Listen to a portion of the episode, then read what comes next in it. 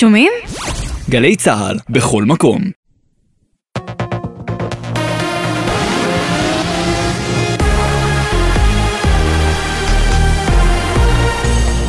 גלי צה"ל השעה שבע, ערב טוב באולפן יונתן מודילבסקי עם מה שקורה עכשיו.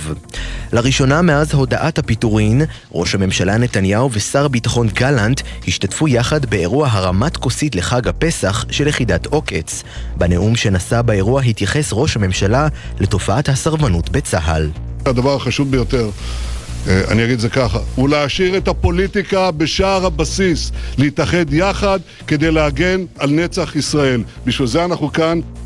שר הביטחון גלנט נאם גם הוא באירוע ואמר אנחנו צריכים להציג חזית אחידה מול האויב, במיוחד בעת הזאת, כאשר אנחנו רואים מאמצים לפגוע בנו במקומות חדשים שלא ראינו בשנים האחרונות. מדבריהם הביא כתבנו לענייני צבא וביטחון, דורון קדוש.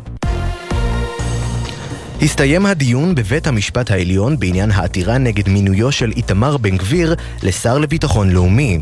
החלטה בעניין העתירה תתקבל בהמשך.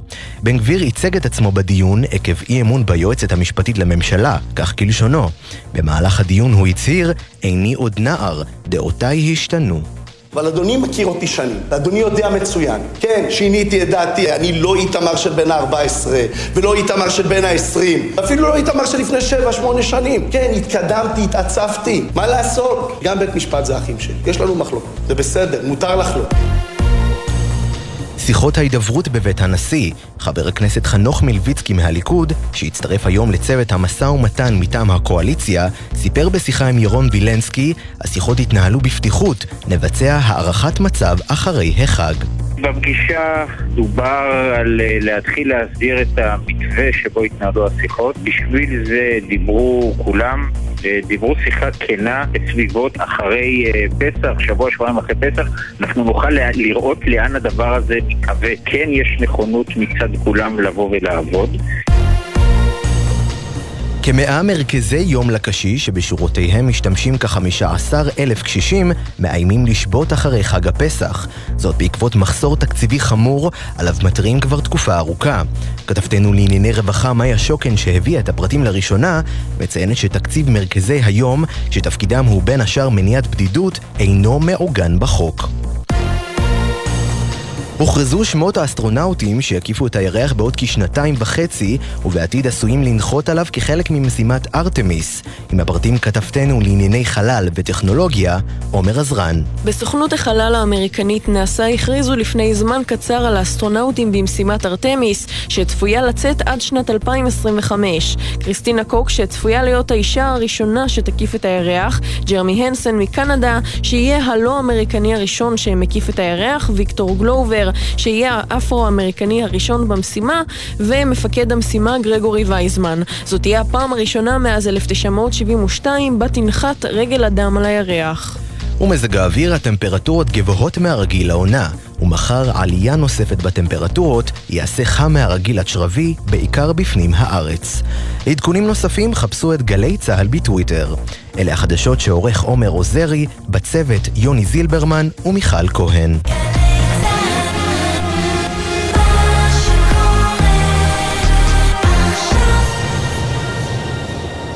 בחסות כל מוביל, היבואנית הרשמית של יונדאי, מיצובישי, אורה, מרצדס וג'נסיס, המציעה מגוון מסלולי קנייה מותאמים אישית, לפרטים כוכבית 3862. בחסות ביטוח ישיר, המציעה למצטרפים עד שלושה חודשים מתנה בביטוח המקיף לרכב. ביטוח ישיר, איי-די-איי חברה לביטוח, כפוף לתקנון.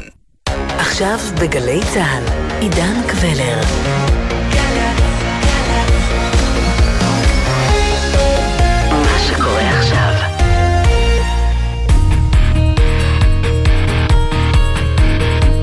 שלום לכם, מאולפן 360 ביום, ההסכת היומי של גלי צה"ל. הזדמנות מעולה לחצי שעה של העמקה, כל יום בנושא אחד, שמעסיק את כולנו מ-360 מעלות. והפעם, המשמר הלאומי, מיליציה של בן גביר או תוספת כוח חשובה לכוחות הביטחון. היום נצלול אל שורשי המושג, ננסה להבין מה בין משמר לאומי בארצות הברית, או זה שהיה בצרפת, לבין מה שמונח כאן, על הכף, אצלנו, מי ראוי שישלוט ויפקד עליו מבחינה מערכתית, ואיפה הוא כן נדרש, ואפילו במהרה.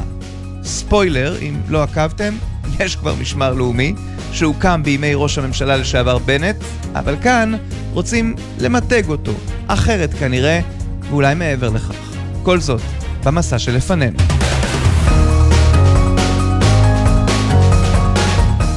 המשמר הלאומי יטפל בתופעות חוסר הביטחון האישי, חוסר המשילות. יש לנו משטרה טובה, אנחנו הוספנו תקנים, אנחנו מוסיפים משכורות במסגרת התקציב שיגיע, אבל לצד זה צריך שיהיה משמר לאומי שיטפל בתופעות הפרוטקשן, שיטפל בהחזקת הנשק הלא חוקי, שיטפל במשפחות הפשע, שייתן מענה לתרחישים כמו בשומר חומות. אלה הנימוקים של השר לביטחון לאומי איתמר בן גביר, ואנחנו רוצים לצאת לדרך איתך, ניצב בדימוס בועז גלעד, איש השב"כ והמשטרה לשעבר, והמכון לחקר הביטחון האישי והחוסן הקהילתי במכללה האקדמית גליל מערבי. שמענו את בן גביר, מה לדעתך הם התפקידים של אותו משמר לאומי? המשמר הלאומי, כשם שקוראים לו כיום, ושהוחלט על הקמתו לאחר אירועי אה, שומר החומות, בא לטפל במגוון אירועים נוספים שהם לא רק פלילי או פשיעה חמורה, אלא גם הפרות סדר רחבות היקף, וגם לטפל במקרים שבהם נוצר מצב חירום שיכול להיווצר אפילו כתוצאה משברי אה, אקלים, אירועי חירום שונים, רעידות אדמה וכיוצא בזה. במקרים שכאלו נדרש גם לשרת, לשמור, לעזור לציבור, גם לסייע לכוחות הביטחון שפועלים ממילא, ואז אתה מכניס אה, לתוך הזירה כוח זמין, מאומן, כשיר, מיומן, שיש לו את כל הידע ואת כל האמצעים, מה שלא בהכרח קיים אה, היום בנמצא, ויוכל לפעול בתיאום עם כלל הכוחות. אירועי שומר החומות הם הדוגמה המצוינת לכך, ולכן ההחלטה היא החלטה נכונה. תמיר אימן, ראש המכון למחקרי ביטחון לאומי, ה-INSS, וראש אמ"ן לשעבר,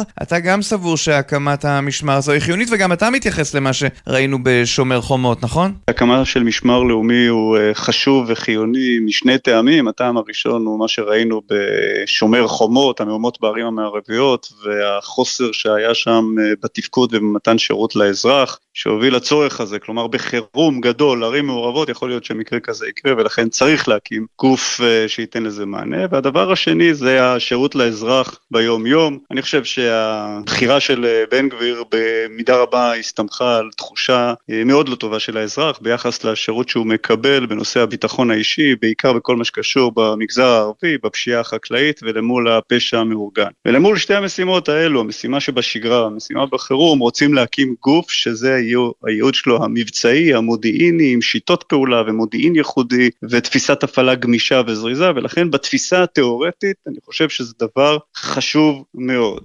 אבל שלא בתפיסה התיאורטית, אלא באופן המעשי, כפי שהדברים נראים כרגע, אתה סבור שעלולים להיות נזקים. הרעיון של להקים את זה בנפרד ממשטרת ישראל, כגוף עצמאי שאולי מתבסס על משמר הגבול ועוד אנשי מילואים, הוא יביא לנזק חמור. אה, ראשית, אני חושב שזה לא יוקם, כי הסרבול ימנע מזה להיות מוקם בקרוב, מי שחושב להקים את זה בשבועות ספורים יתבדה. הדבר השני, זה יוצר שלושה נזקים למשטרה ולאזרח שראוי לשקול אותם. ראשית, הוא יקטין את המשטרה, משום שאם אתה מוציא את משמר הגבול מהמשטרה למקום אחר, אתה מקטין את משטרת ישראל. משטרת ישראל, מחוזות משטרת ישראל נסמכות על משמר הגבול. זה לא רק שהוא נמצא ביהודה ושומרון, בכל מחוז יש משמר גבול, זה חלק אינטגרלי של הכוחות הזריזים, המיידיים, שנותנים שירות לאזרח. אתה מוציא, הקטנת את המשטרה, במקום להגדיל אותה, אתה יוצר בעיה. הדבר השני, זה יוצר מורכבות מבצעית, שגישור עליה הוא יותר מורכב מאי הקמה. למה אני מתכוון? מדינת ישראל היא מדינה קטנה שמחולקת למחוזות ויש תפיסת אחריות טריטוריאלית של המחוזות של המשטרה. בכל פעם שאתה רוצה להכניס גוף חיצוני לתוך פעולה במחוז מסוים, אז אם הוא חלק מהמשטרה, המשטרה, מטה המשטרה יודע לעשות את התיאום. אבל אם הוא לא חלק מהמשטרה, אלא הוא גוף חיצוני, עצמאי, כישות, עכשיו לך תסדר איך הוא נכנס, ממי הוא מקבל מודיעין, למי הוא מעביר עצירים, מה מקבל האזרח שמחייג 100, למי הוא מגיע. זה כזה סיפור שזה צריך לבנות עכשיו מנגנון תיאום. בועז גלעד, גם אתה מצטרף למורכבות הזאת ואומר זה חייב להיות חלק ממשהו קיים.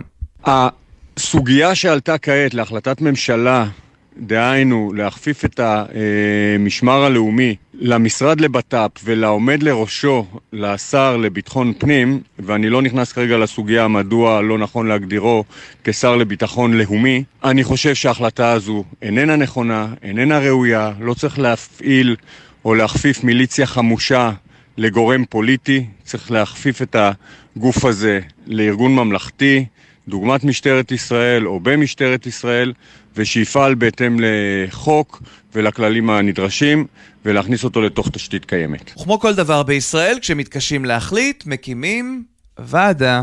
על כך הוחלט אתמול, מיד לאחר החלטת הממשלה בנושא המשמר הלאומי, כתבנו הפוליטי יובל שגב. הוועדה הזאת אמורה אה, לקבוע תוך אה, כמה שבועות טובים איך בדיוק הגוף הזה יעבוד ולמי הוא יהיה כפוף. בן גביר אומר שהוא לא בהכרח רוצה להיות זה ששולט בגוף הזה באופן בלעדי, שלא אכפת לו שזה יעבוד בתיאום עם המשטרה באיזושהי שליטה משותפת, בהנחה שהמשטרה תסכים לשתף פעולה, תשנה כביכול את הקו שלה מהשבוע האחרון שבו היא מתנגדת בתוקף למהלך הזה של אה, איתמר בן גביר, אז יכול להיות שהוועדה בסופו של דבר כן תצליח למצוא את הדרך לשלב את השר ואת המשטרה. ביחד בפיקוח וניהול של אותו הגוף, היא גם אמורה למצוא את הדרכים להשיג לשם כוח אדם, גם זה כמובן דבר אה, לא פשוט אה, אה, בכלל.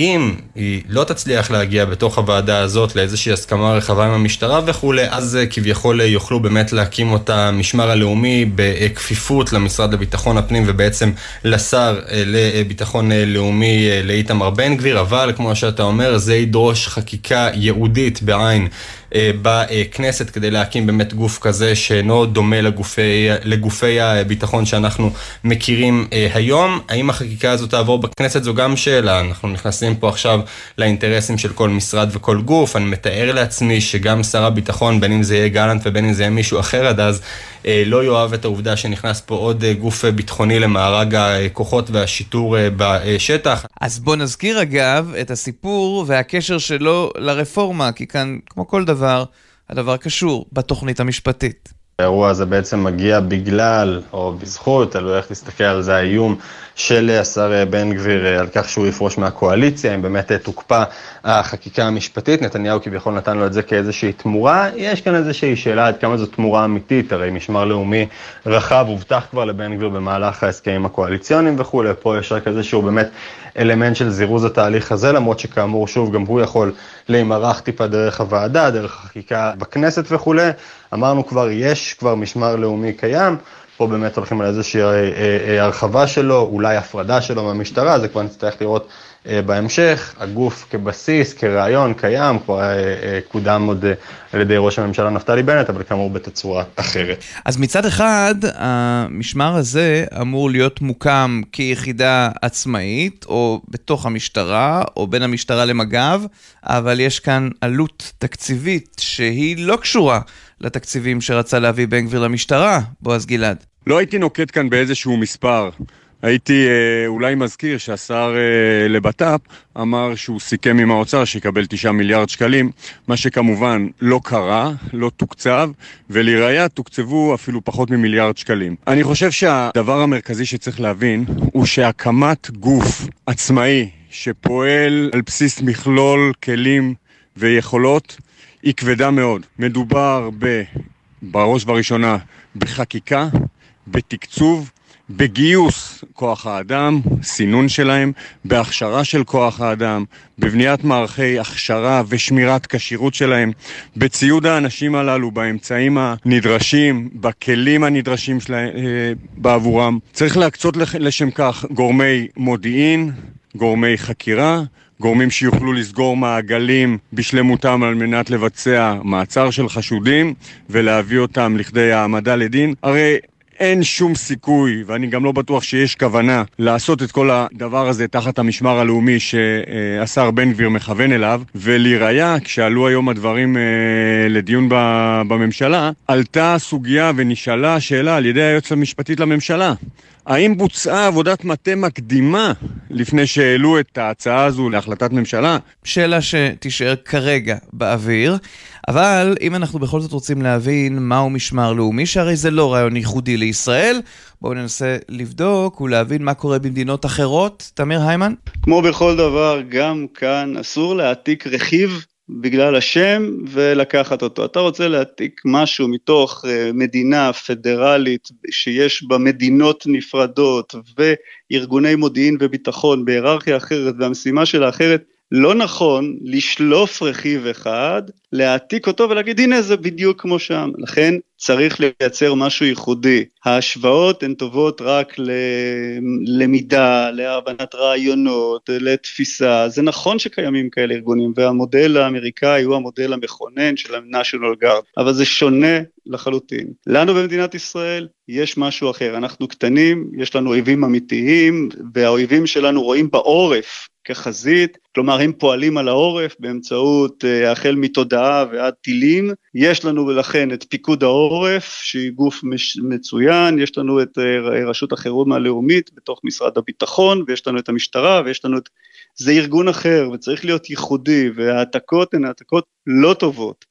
פיקוד העורף עכשיו עושה טרנספורמציה מצוינת שתיתן מענה למלחמה הרב-חזיתית בכל מה שקשור בהחל מצירים וכלה באסונות הרס. אה, זה מתיישב עם תפיסה יותר רחבה בתוך משרד הביטחון ורח"ל, ובתוך הדבר הזה משטרת ישראל ובתוכה אולי יוקם הגוף הזה, הגמיש, הייחודי, שחיוני להקים אותו, צריך לעשות את זה ייחודי.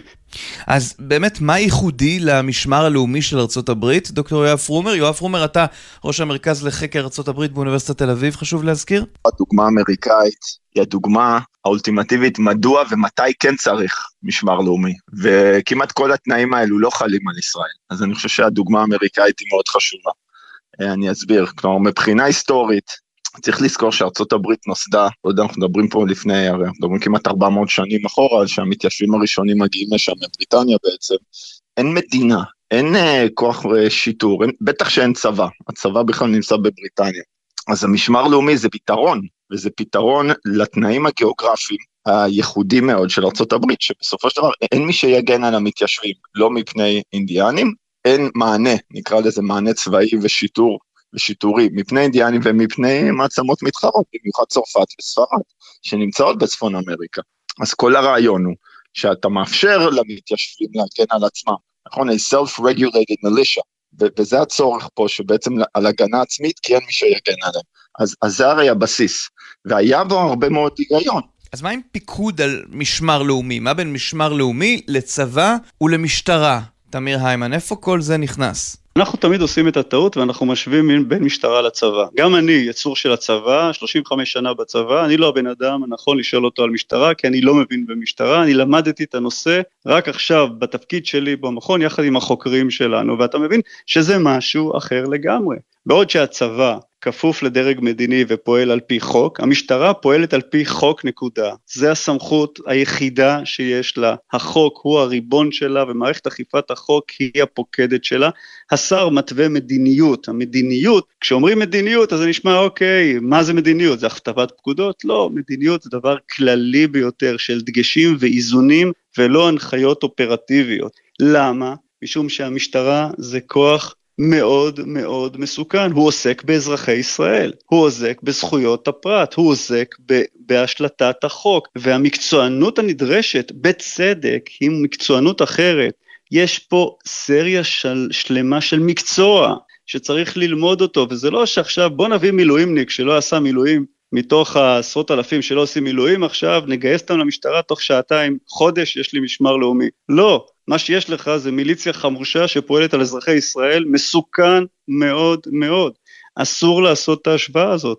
רוצים להקים מצוין, תחת הכללים והעקרונות של משטרה, תחת החוק של המשטרה, ורצוי כדי שזה יהיה פרקטי בתוך המשטרה. ואם יש בעיות של חוסר אמון על יעילות מטה בהקמת כוח, תעשה בקרה יותר טובה. אז אם נחזור אליך, דוקטור פרומר, זה לא רק ארצות הברית, יש גם צרפת וספרד, ויש דוגמאות היסטוריות על משמרים לאומיים והתנגשות שהם מביאים אליהם. היה את הגארד נציונל בצרפת, וזה גם, זה המיליציות העירוניות שצמחו סביב המהפכה הצרפתית. ו, ומתי בעצם אנחנו, התפקיד הכי מכריע ואפילו טרגי שלהם זה, ב, זה במלחמות האזרחים בצרפת, בקומונה למשל, ב-1871. יש, יש בצרפת הרי, יש מלחמה עם פרוסיה, הצרפתים מפסידים לפרוסים, ויש מלחמת אזרחים ממש בפריז, בין המשמר הלאומי לבין הצבא הלאומי. כלומר, ואותו דבר קורה בספרד, בתחילת המאה ה-20, במלחמת האזרחים הספרדית. אותו דבר, כלומר שיש גורם מתחרה, במיוחד במדינה דמוקרטית, זה כמעט תמיד מוביל. לאיזושהי מלחמת אזרחים בסופו של דבר, והעובדה שרוב הדוגמאות שאנחנו יכולים לחשוב עליהן ב-200 שנים האחרונות, לנוכחות של משמר לאומי, הוא בדרך כלל רגעים של התנגשות עם צבא לאומי, מעורר דאגה. בועז גלעד, אתה למעשה חולק על הדברים, ואומר שזה לא חייב לעורר דאגה, מה שכן אתה אה, אומר, ואולי נוטה להסכים עם הדוברים הקודמים, זה הגדרה. ההגדרה חייבת להיות ברורה. כדי להגיע לסנכרון ביטחוני? לכל אחד מהגופים יש את התפקיד שלו, כל אחד מהגופים פועל בהתאם לחוק, להחלטות ממשלה ולתחומי הסמכות והאחריות שלו. הניסיון להקים את הגוף החדש, כפי שאני מבין את זה לפחות, לא יעלה ולא יוריד מאחריותם של הגופים האחרים. לכל היותר יכניס פה עוד אלמנט חדש, משבש ומסבך, ולדעתי בזמן אה, חירום פשוט לא יפעל. יש אמירה ידועה ומוכרת שאומרת שמה שלא עובד ופועל בשגרה, בוודאי גם לא יפעל בחירום. אני חושב שלא נכון לעשות את המהלך. בוודאי אי אפשר לבצע אותו מבלי שנקבעת חקיקה, או לכל הפחות מתקיימות החלטות הממשלה המחייבות את כלל הגורמים. ועכשיו שערו בצ... לנפשכם. כיצד יוכל לפעול המשמר הלאומי החדש, נקרא לו כך, אם איננו פועל תחת המשטרה, אם הוא פועל בצורה עצמאית, כיצד יקבל מודיעין אם שב"כ למשל, או משטרה אינם מחויבים להעביר לו, מכיוון שלא נקבע שהם אה, מחויבים? כיצד ייכנס לזירה שכבר פועל בה כוח ביטחוני, לצורך העניין משטרה, ואם כבר פועל גוף משטרתי בשטח, ולצורך העניין, אם ניקח הפרות סדר למשל, התקבלה החלטה שהמשטרה מכילה את האירוע, עכשיו השר לבט"פ יכול לקבל החלטה שלא נראה לו המצב הזה, ועכשיו הוא מכניס גוף אחר, מיליציה חמושה, והנה לכם אירוע קלאסי של אה, לחימת כוחותינו בכוחותינו חלילה. ולחשש הזה של מלחמת אזרחים, כוחותינו בכוחותינו, לוחמים זה בזה, גם אתה מצטרף, דוקטור יואב פרומר. המשמר הלאומי באמריקה, גם היום, הוא גורם נורא חשוב, והוא, והוא כן, יש, כלומר, יש לו תפקיד מאוד חיובי, אבל כמו שאמרת, זה חיובי שהוא מתגבר את הצבא, לא שהוא במקביל פועל ומנסה למלא את אותן מטרות, וזה אני חושב אחת הבעיות, כשאנחנו מסתכלים לעולם, צריך לראות איפה בעצם יש את המיליציות האלה, ולמרבה הצער, בכמעט כל המקרים זה במדינות שהן לא דמוקרטיות. העניין פה הוא לא רק עניין דמוקרטי, העניין פה הוא עניין של משילות, זה מערער על שלטון מרכזי. אה, אז, אז אם כן מישהו חושב לעשות איזשהו גורם אה, חמוש נוסף ולתת לו את הסמכויות הכי חשובות והכי קדושות במדינה, זה חייב להיות מוכפף לאותו גורם, בין אם זה המשטרה או בין אם זה הממשלה, אה, באופן ישיר ולא לשר כזה או אחר, זה לא עניין פוליטי. אבל כן במערכת הפוליטית מתנגדי הרעיון הזה טוענים שזה ארגון שישמש כמשטרה נוספת שתוכפף אך ורק לבן גביר. נכון יובל שגב?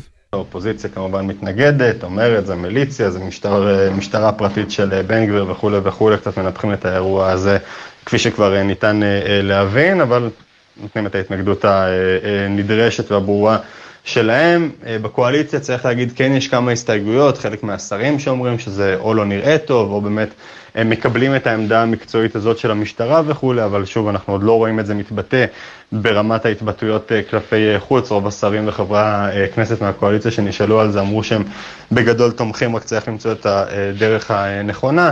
אז בזה מסתכמות התגובות, אני חושב, בקואליציה, לפחות בשלב הזה. אז בועז גלעד, יקום המשמר הלאומי או לא יקום? המהלך המוצע הוא פשוט איננו ישים, הוא לא סביר, הוא לא נכון.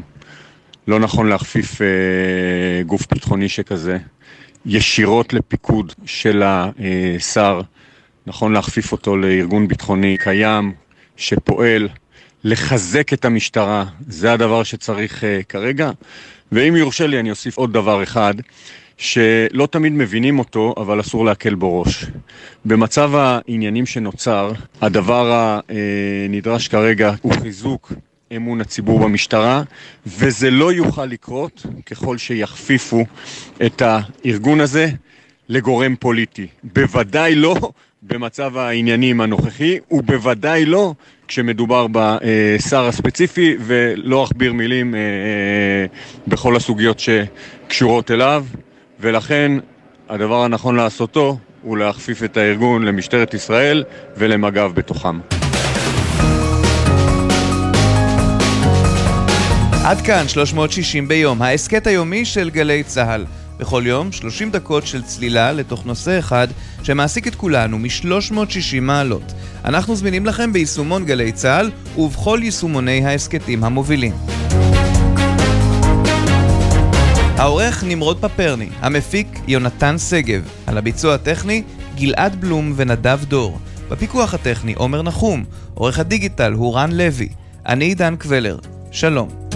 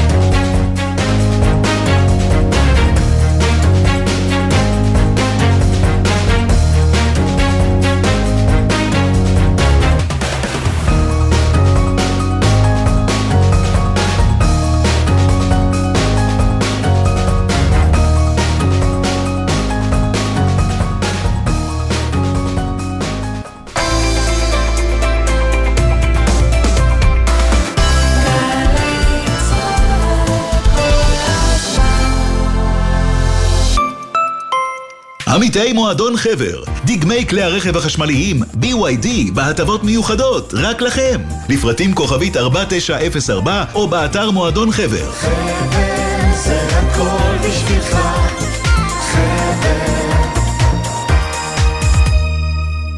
בפסח הזה כולנו נמזוג כוס לאליהו הנביא, גם ראובן שעלה מצרפת, אלכס ומרים מאוקראינה ומשפחת אדיס מאתיופיה. עשרות אלפי עולים חדשים שלפני שנה אמרו, לשנה הבאה בירושלים הבנויה, הגשימו את משאלתם. אם אתם מכירים עולים חדשים, הזמינו אותם לסדר אצלכם, כדי שכולנו נחגוג את חג החירות יחד. משרד העלייה והקליטה מאחל לכל הישראלים, ותיקים וחדשים, חג פסח שמח. הכל כדי שתרגישו בבית. לרשות שדות התעופה דרושים בודקים ביטחוניים. הצטרפו לנבחרת ותיהנו ממענק הצטרפות, מהשתתפות בשכר הלימוד לתואר ומתנאים ברמה גבוהה. מאוד גבוהה. לפרטים, היכנסו לאתר רשות שדות התעופה, בהתאם לתנאי התוכנית. המוזיאון הישראלי במרכז יצחק רבין מזמין אתכם למסע מרתק בעקבות האירועים הגדולים והסיפורים הקטנים של מדינת ישראל. בואו להיזכר ולשתף את הילדים ולהיות חלק מהסיפור הישראלי, כולל משחק בסגנון חדר בריחה, הצופן הישראלי. הכניסה בפסח חינם מ-7 עד 11 באפריל. לפרטים כוכבית 4585 חג ראשון, מי יודע? חג ראשון. בגלי צה"ל, בחמישי. בעשר בבוקר. מה נשתנה? נעמי רביע עם האנשים שחייהם השתנו מקצה לקצה. בי 12 יואב גינאי מארח את יוסי גיספן. ובי 2 מאיה יהלום ועמית קלדרון חוגגים 25 שנה לעבודה עברית. ובי 8 בערב דנדן בולוטין על טיולים בדרכים עתיקות. חג שמח מגלי צה"ל. מאה שושנים, מופע מחווה לשושנה דמארי לציון מאה שנה להולדתה.